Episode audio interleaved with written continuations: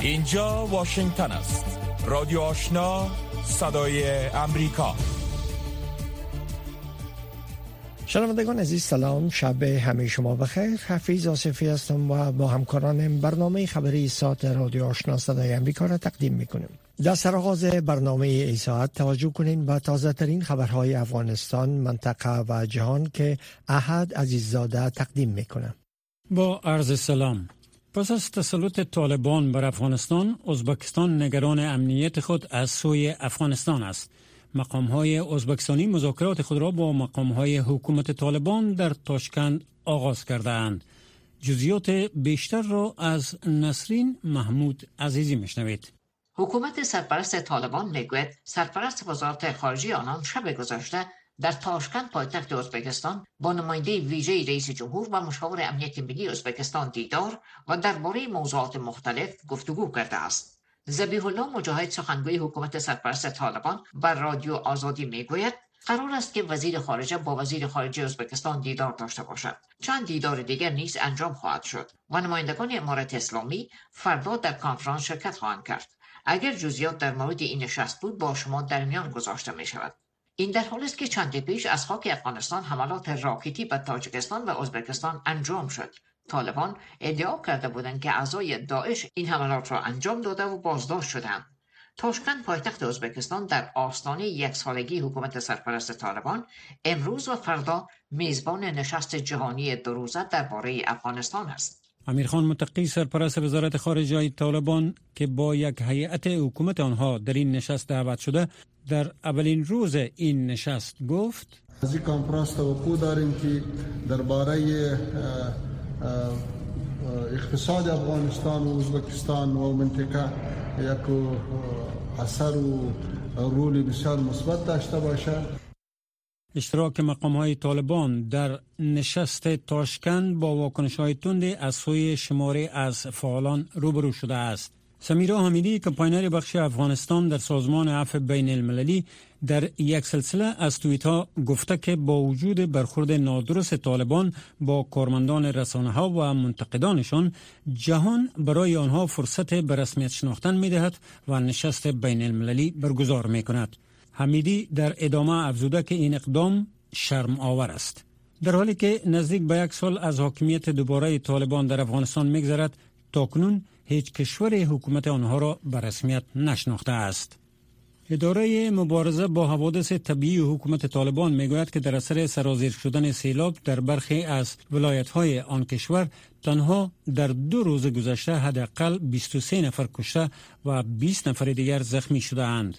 محمد نسیم حقانی سخنگوی این اداره امروز دوشنبه گفت که بیشترین تلفات در ولایت های میدان وردک ننگرهار، پکتیا، نورستان، پنشیر، پکتیکا و پروان رخ داده و این سیلاب ها باعث تخریب هزاران جریب زمین زراعتی، پل، پلچک و سرک ها در نقاط مختلف افغانستان شده و برخی از بخش های شهرهای کابل ننگرهار نیز تخریب شده است ولی این شهرها اکنون بروی ترافیک باز شده است.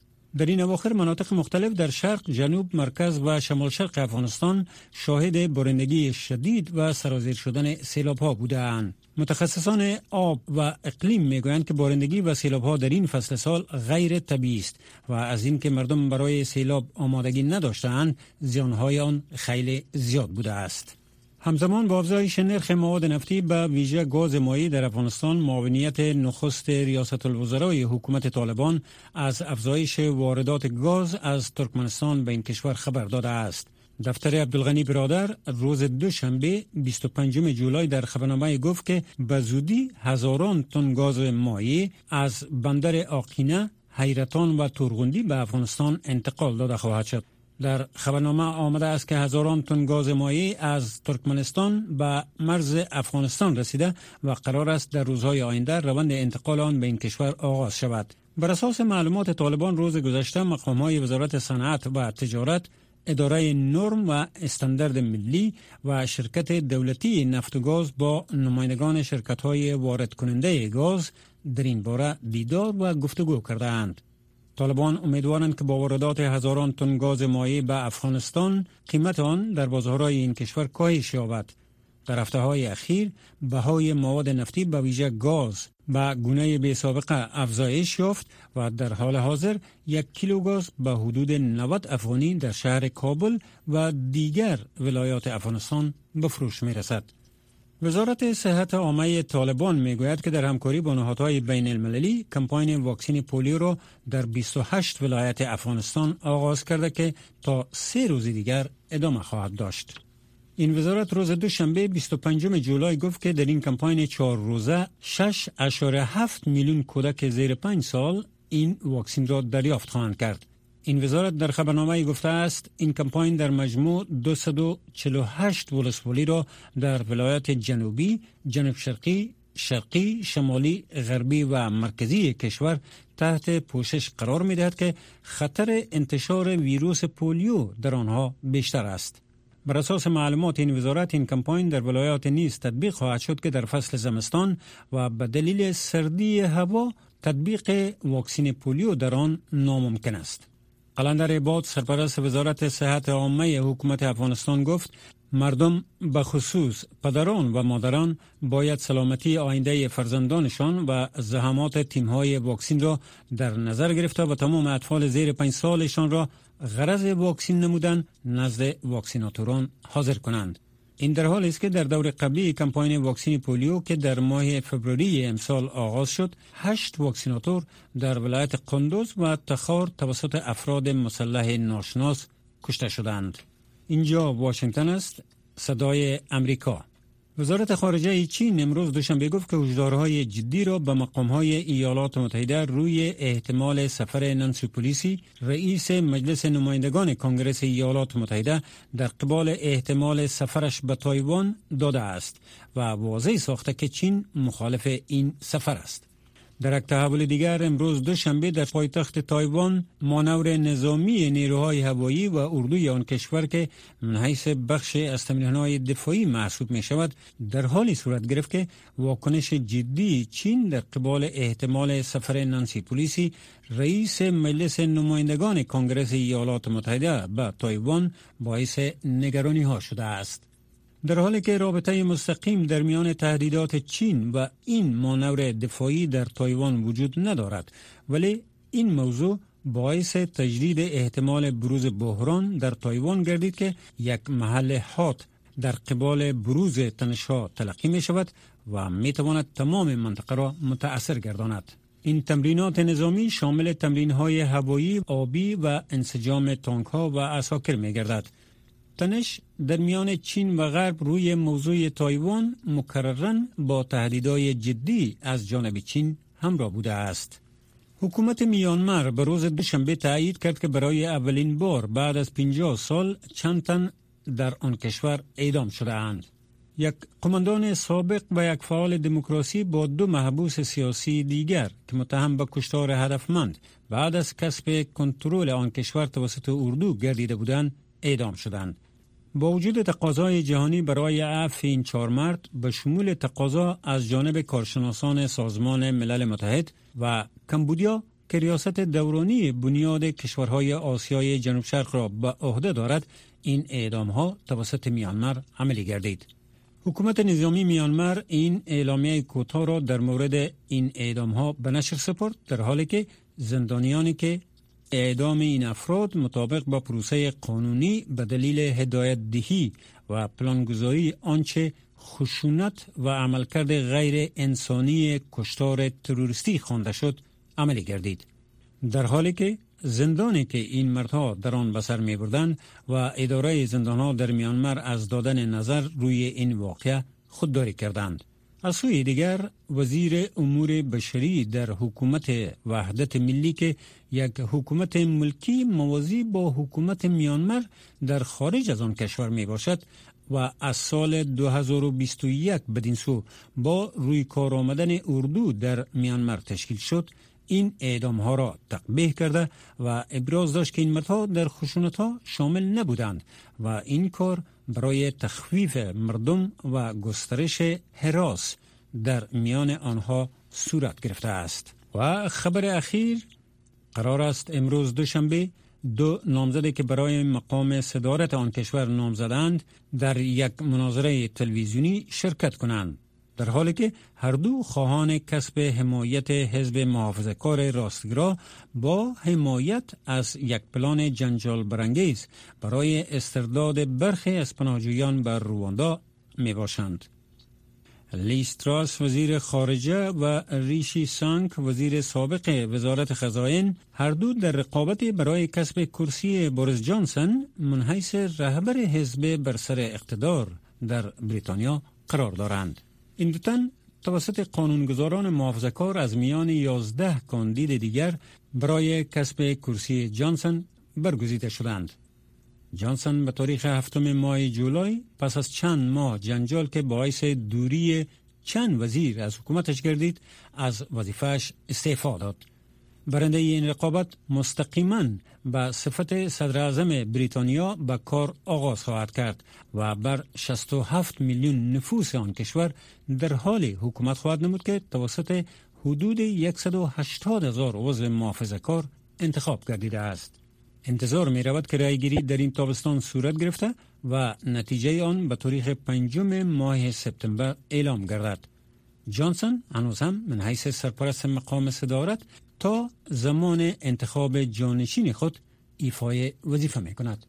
پایان اخبار افغانستان، منطقه و جهان از رادیو آشنا صدای امریکا. صدای امریکا رادیو آشنا صد پنج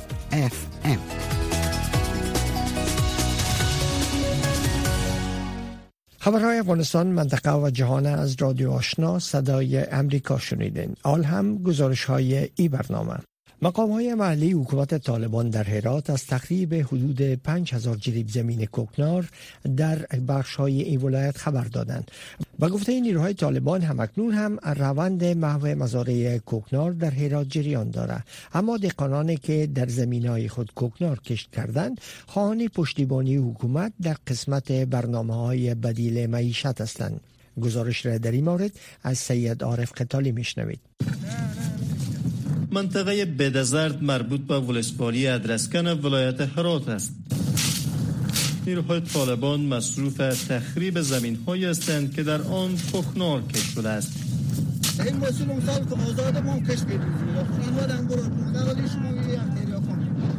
ده جریب زمینی که مربوط به احمد شو یک تن از دهقانان این منطقه است. داوود یک تن از نیروهای طالبان می‌گوید کاروزار مح و مزاری کوکنار را بر بنیاد فرمان رهبر خود شدت بخشیدند این منطقه خیلی یک منطقه دوردستی بود که اینا فکر می‌کردم که اینجا امارات شاید وجود نداره و نه و خبر نشوه بعض ما خبر شدیم که چهار ساعت یا پنج ساعت رئیس کل کو باشه. انشالله ما تضمین به کل امیرای خو و به امیر المؤمنین صاحب و به ملت افغانستان اطمینان میدیم که به ایت جای افغانستان کوکنار دیگه نمی‌گذاریم که بکنیم کشاورزانی که اراضی کوکنارشون در حال محو است با اظهار پشیمانی از کشت این پدیده از حکومت طالبان می‌خواهند که آنان را در قسمت کشت های بدیل کوکنار پشتیبانی کنند ما بیا اومدیم در زمین کشت کردیم از فرمون خبر نبودیم چوجی پوشدار حیرون و فریشون و غزدار بودیم ولی هم که برادرها بیا اومدم چون بشکسته ما معاملت نمی کنیم با اینا. کشت هم نمی کنیم سالهای دیگه آزاد بود. اگه ما میامده کشت می‌کردیم ما فکر می‌کردیم اون سال هم آزاده. یعنی که موضوع میشه دال بسته شده دیگه. ما کشت ما مسیر رسیده. آمادم چپه کردم. شندند ادرسکن فرسی ربات سنگی و کشک کهنه. ولسوالی هایند که در آن کوکنار بیشتر کش شده است. نیروهای طالبان هم به دنبال تخریب آن. بعد از فرمان ما تقریبا 5000 جریب زمین به ولایت هرات اینا را چفا کردیم از بین ببردیم اینا تاریک و چرس همین کشتک است. از بین بردن مزاری کوکنار پس از فرمان ملاه بطالله رهبر طالبان در ماه حمل امسال شدت گرفت. در این فرمان استعمال انتقال خرید و فروش واردات و صادرات هر گونه مواد نشاور در افغانستان منع شده است شنوندگان گرامی رادیو آشنا صدای امریکا نشرات رادیو آشنا را در موج متوسط 1296 موج کوتاه 11575 اشاری صفر و در موج 972 کیلوهرتز شنیده می توانید.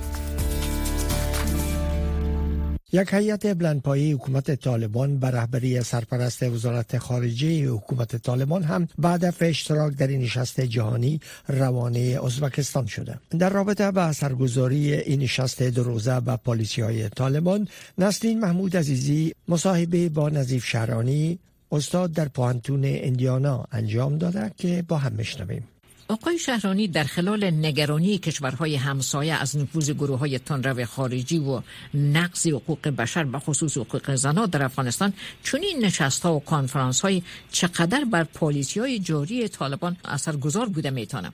خب ببینیم موضوع کنفرانسی تاشکند زیادتر تاشکند محور است. با وجودی که گفتم میشه که افغانستان محور است. تاشکند با ممالک آسیای میانه به صورت عموم جهتی به اصطلاح نظری از اینا همیشه به طرف شمال بوده طرف روسیه بوده و از طریق روسیه روابطی از اینا با اروپا و اینجا محکم بوده در گذشته اقلا صد سال گذشته. در ای اواخر خصوصا با آمدن حکومت نو در ازبکستان چند سال قبل 2016 دیگه تصمیم گرفته شده که باید اینا جهتی روابط جهانی خود یک کمکی تکسر بتن از او لحاظ می‌خواهند که به طرف جنوب هم رابطه قایم بکنن و یگانه راهی قایم کردن رابطه با جنوب آسیا افغانستان است. البته ترکمنستان و ایران هم راه دیگه وجود داره. اما ترکمنستان رابطه بسیار خوب با ازبکستان نداشته و یک قسم خود جدا نگاه کرده. از بعد از فروپاشی شوروی سابق دیگه از اون لحاظ راهی را که فکر می‌کنن که ممکن سادتر و آسانتر و برشان خوبتر بوده باشه افغانستان است. زمون لحاظ اینا تلاش دارن با هر رژیمی که در کابل بوده باشه بعد از 2014 اینا رابطه خوب داشته باشن. رابطه خوبی هم با جمهوریت داشتن تا که البته از هم فرو پاشید و بزرگترین پروژه های را اینا دارن پیشنهاد می‌کنن که خودشان تا حدی اگر ممکن باشد تمویلش از ممالک دیگه هم بگیرن و این راه را بسازن. بزرگترین پروژهشان فعلا ساختن راه آهن. از ترمیز به مزار اینا تکمیل کردن. از مزار به کابل و کابل پیشاور را می‌خوان بسازن. و یک پروژه است که اما می‌خوان ممالک دیگه مثلا تاجیکستان قرغستان و قزاقستان خصوصا قزاقستان بسیار زیاد علاقه دارن که پروژه اگر ممکن باشه تکمیل شود.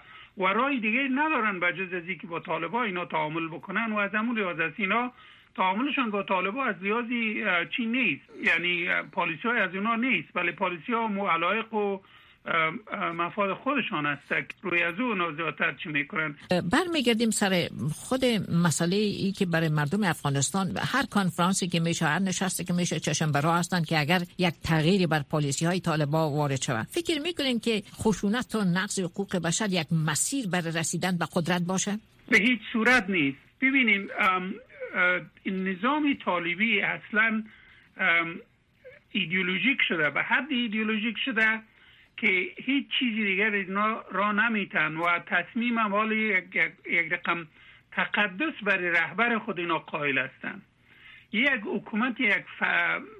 کاملا فردی و مطلق گراست از اون از هر چیزی که آخون زاده یا ملاحبت الله میگه اونمو نعوذ بالله عوض قرآن است. و چیزایی هم که اینا میگن عموما تحریف قرآن کریم است. و چیزایی که اینا فتوا میتن ضدیت مطلق داره با با قرآنی با ارزش های قرآنی. از اون لحاظ من فکر می‌کنم که راهی را که اینا پیش گرفتن راهی خوبی نیست برای آوردن یک حکومتی مناسب و برای داشتن یک اداره خوب در داخل افغانستان و اینا هیچ در غم مردم نیستن. با مذرت اگر فشارهای بین المللی بر طالبا مؤثر واقع نشوه فکر می‌کنین که چی خواهد شد؟ عاقبتی از اینا از بین رفتن است. خودشان دشمن بزرگ خودشان هستند و اگر این پالیسی های هم یک سال گذشته را دوام دادن دوام بتن این البته باعثی خیزشی بسیار بزرگی مردمی خواهد شد. و جامعه جهانی هم حاضر خواهد شدن که با خیزش های مردمی و مقاومت ملی همکار شوند و اینا را از صحنه بیرون بکنن و امیدواری ما هم همی است که اینا امی پالیسی های نابکار خود کمک بیشتر دوام بتن تا از بین برن. دیگر راه دیگه در برای آینده وجود نداره. نه برای مردم افغانستان و نه برای منطقه و نه برای جهان. رادیو آشنا صدای امریکا هفت روز هفته. خبر و گزارش ها و تحلیل های خبری روز وزارت خارجه امریکا گفته که در مورد تعهدات اساسی که به طالبان سپردن هیچ گونه سازش نخواهد شد.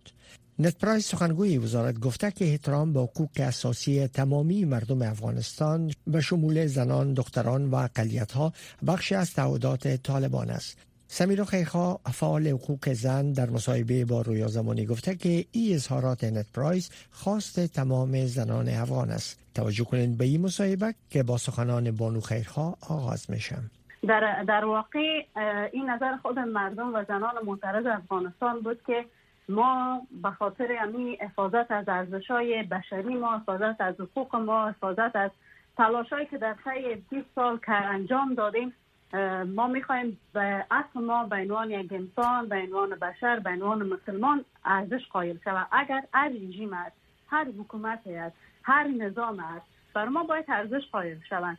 به مبنای امی اینا صدا بلند کردن اعتراض کردن. مگر متاسفانه به اینا گوش داده نشد؟ به یا توجه نشد؟ به 50 درصد یک کشور افغانستان 50 درصد که نفوذش زنان افغانستان قشر اساسی جامعه تشکیل میده. برای, برای اینا توجه نشد. بنابراین اینا اقدام به نامه های سرگذاشت نامه های اقدام کردن که به سازمان ملل و جامعه جهانی و اتحادیه اروپا که لطفا شما به عنوان یک تعامل کننده با این نظام یا به عنوان کسی که روابط دیپلماسی بین هم دارین شما کوشش کنین که شما یا از نامه سرگشاده میشه یا هر طریق میشه شما اینا رو پاسخگو بسازین.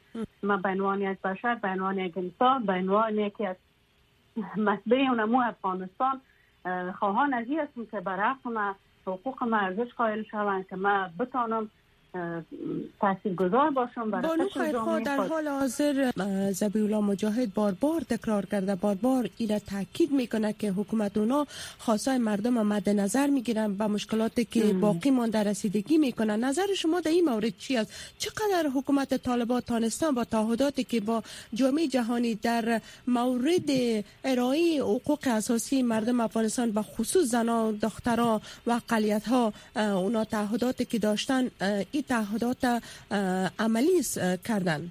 ما عملا شاهد تحولات اخیر در افغانستان هستیم که در طول 300 روز گذشته اینا چی کار انجام دادن بالای چی که میکانیزمی کار کردن و چقدر تاثیر داشت بالای زندگی مردم مردم افغانستان. تنها ما بحث حقوق زنان را مطرح نمی کنیم بحث اقتصادی است بحث سیاسی است. بحث های اساسی است که بر از او هنوز توجه نشده. بر بخش کدرای جامعه هنوز توجه نشده.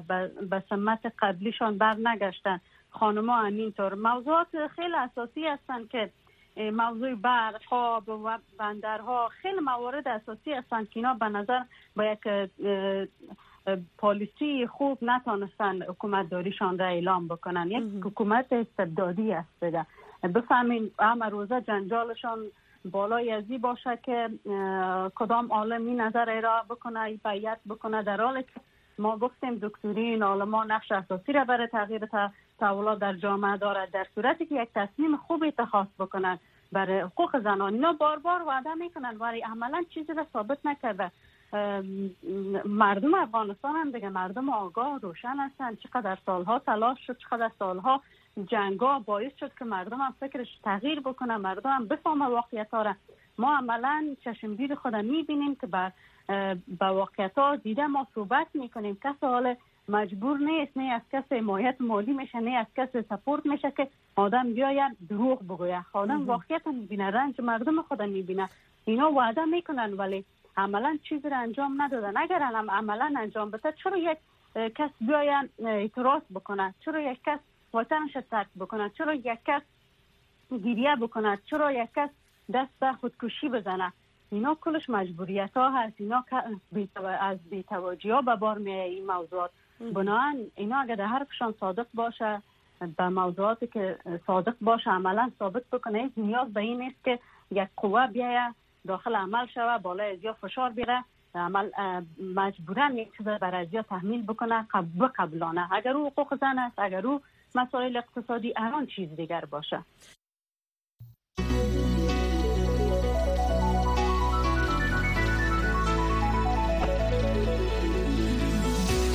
صدای امریکا در فیسبوک facebook.com slash voa دری.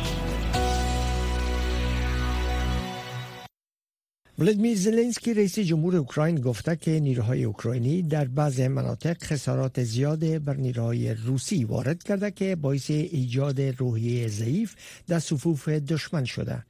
در میال سرگی لاوروف وزیر خارجه روسیه گفته که روسیه می‌خواهد به مردم اوکراین جهت رهایی از یک رژیم به گفته وی ضد مردمی کمک کنه. شرح بیشتر از نجیب خلیل مشنوین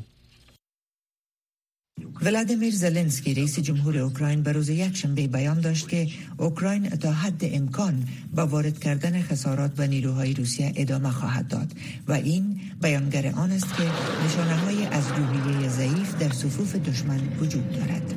лише ті, хто абсолютно не знає правди історії. اوکراینی ها هرگز استقلال خود را از دست نمی دهند همانطور که بیش از یک بار اتفاق افتاده است از درون نمی شکنند نه این بار حفظ وحدت در حال حاضر و همکاری برای پیروزی مهمترین وظیفه ملی است که همه ما انجام خواهیم داد بنابراین ما قادر خواهیم بود کار را انجام دهیم که نسل‌های قبلی نمی توانستند انجام دهند این امر در دفاع ما در این جنگ برای حفظ استقلال و رفتن به سوی اروپای متحد و سمت عضویت کامل در اتحادیه اروپا و توانایی ما برای تبدیل شدن به یکی از مدرنترین دولت های جهان صدق می کند. زلنسکی در بیانیه ویدیویی شبانه خود ادعا کرد که بر اساس مکالمات تلفنی ثبت شده بین سربازان خط مقدم روسی و خانواده هایشان حتی اشغالگران هم اعتراف می کنند که ما پیروز خواهیم شد. ما سرعت عمل خود را کاهش نمی‌دهیم و مانند هر روز به مدت پنج ماه هر کاری را انجام می دهیم تا بیشترین خسارات ممکن را به دشمن وارد کنیم و تا حد امکان از اوکراین حمایت کنیم. در این هفته بازدیدهای مهمی از شراکا انجام خواهد شد. مذاکرات مهمی انجام خواهد شد و مهمتر از همه پیشرفت بیشتر در مواضع اوکراین وجود خواهد داشت در جبهه دیپلماسی و در اقتصاد. در همین حال سرگی لافروف وزیر خارجه روسیه گفت کشورش به مردم اوکراین کمک خواهد کرد تا از شر این رژیم خلاص شوند. رژیمی که او آن را ضد مردمی و ضد تاریخی توصیف کرد. مردم روسیه و اوکراین به زندگی مشترک خود ادامه خواهند داد. اگر بخواهید ما به مردم اوکراین کمک خواهیم کرد تا از شر رژیمی که کاملا ضد مردمی و ضد تاریخ است خلاص شوند. لافروف این اظهارات را روز یک شنبه در جریان سخنرانی در اتحادیه عرب در قاهره بیان کرد. در یک گزارش دیگر رئیس کمیته سازمان تحقیقات روسیه اعلام کرد که مسکو 99 عضو نیروی مسلح اوکراین را به جنایت علیه بشریت متهم کرده و پیشنهاد یک محاکمه بین المللی را با حمایت کشورهای از جمله بولیویا، ایران و سوریه نموده است. روزنامه دولتی روسیس کایا گازیتا روز دوشنبه به نقل از الکساندر باستریکن رئیس این کمیته گزارش داد که بیش از 220 نفر که شامل نمایندگان فرماندهی عالی نیروهای مسلح اوکراین و همچنین فرماندهان واحدهای نظامی می باشند متهم به گلوله‌باری بر جمعیت از غیر نظامیان شدند.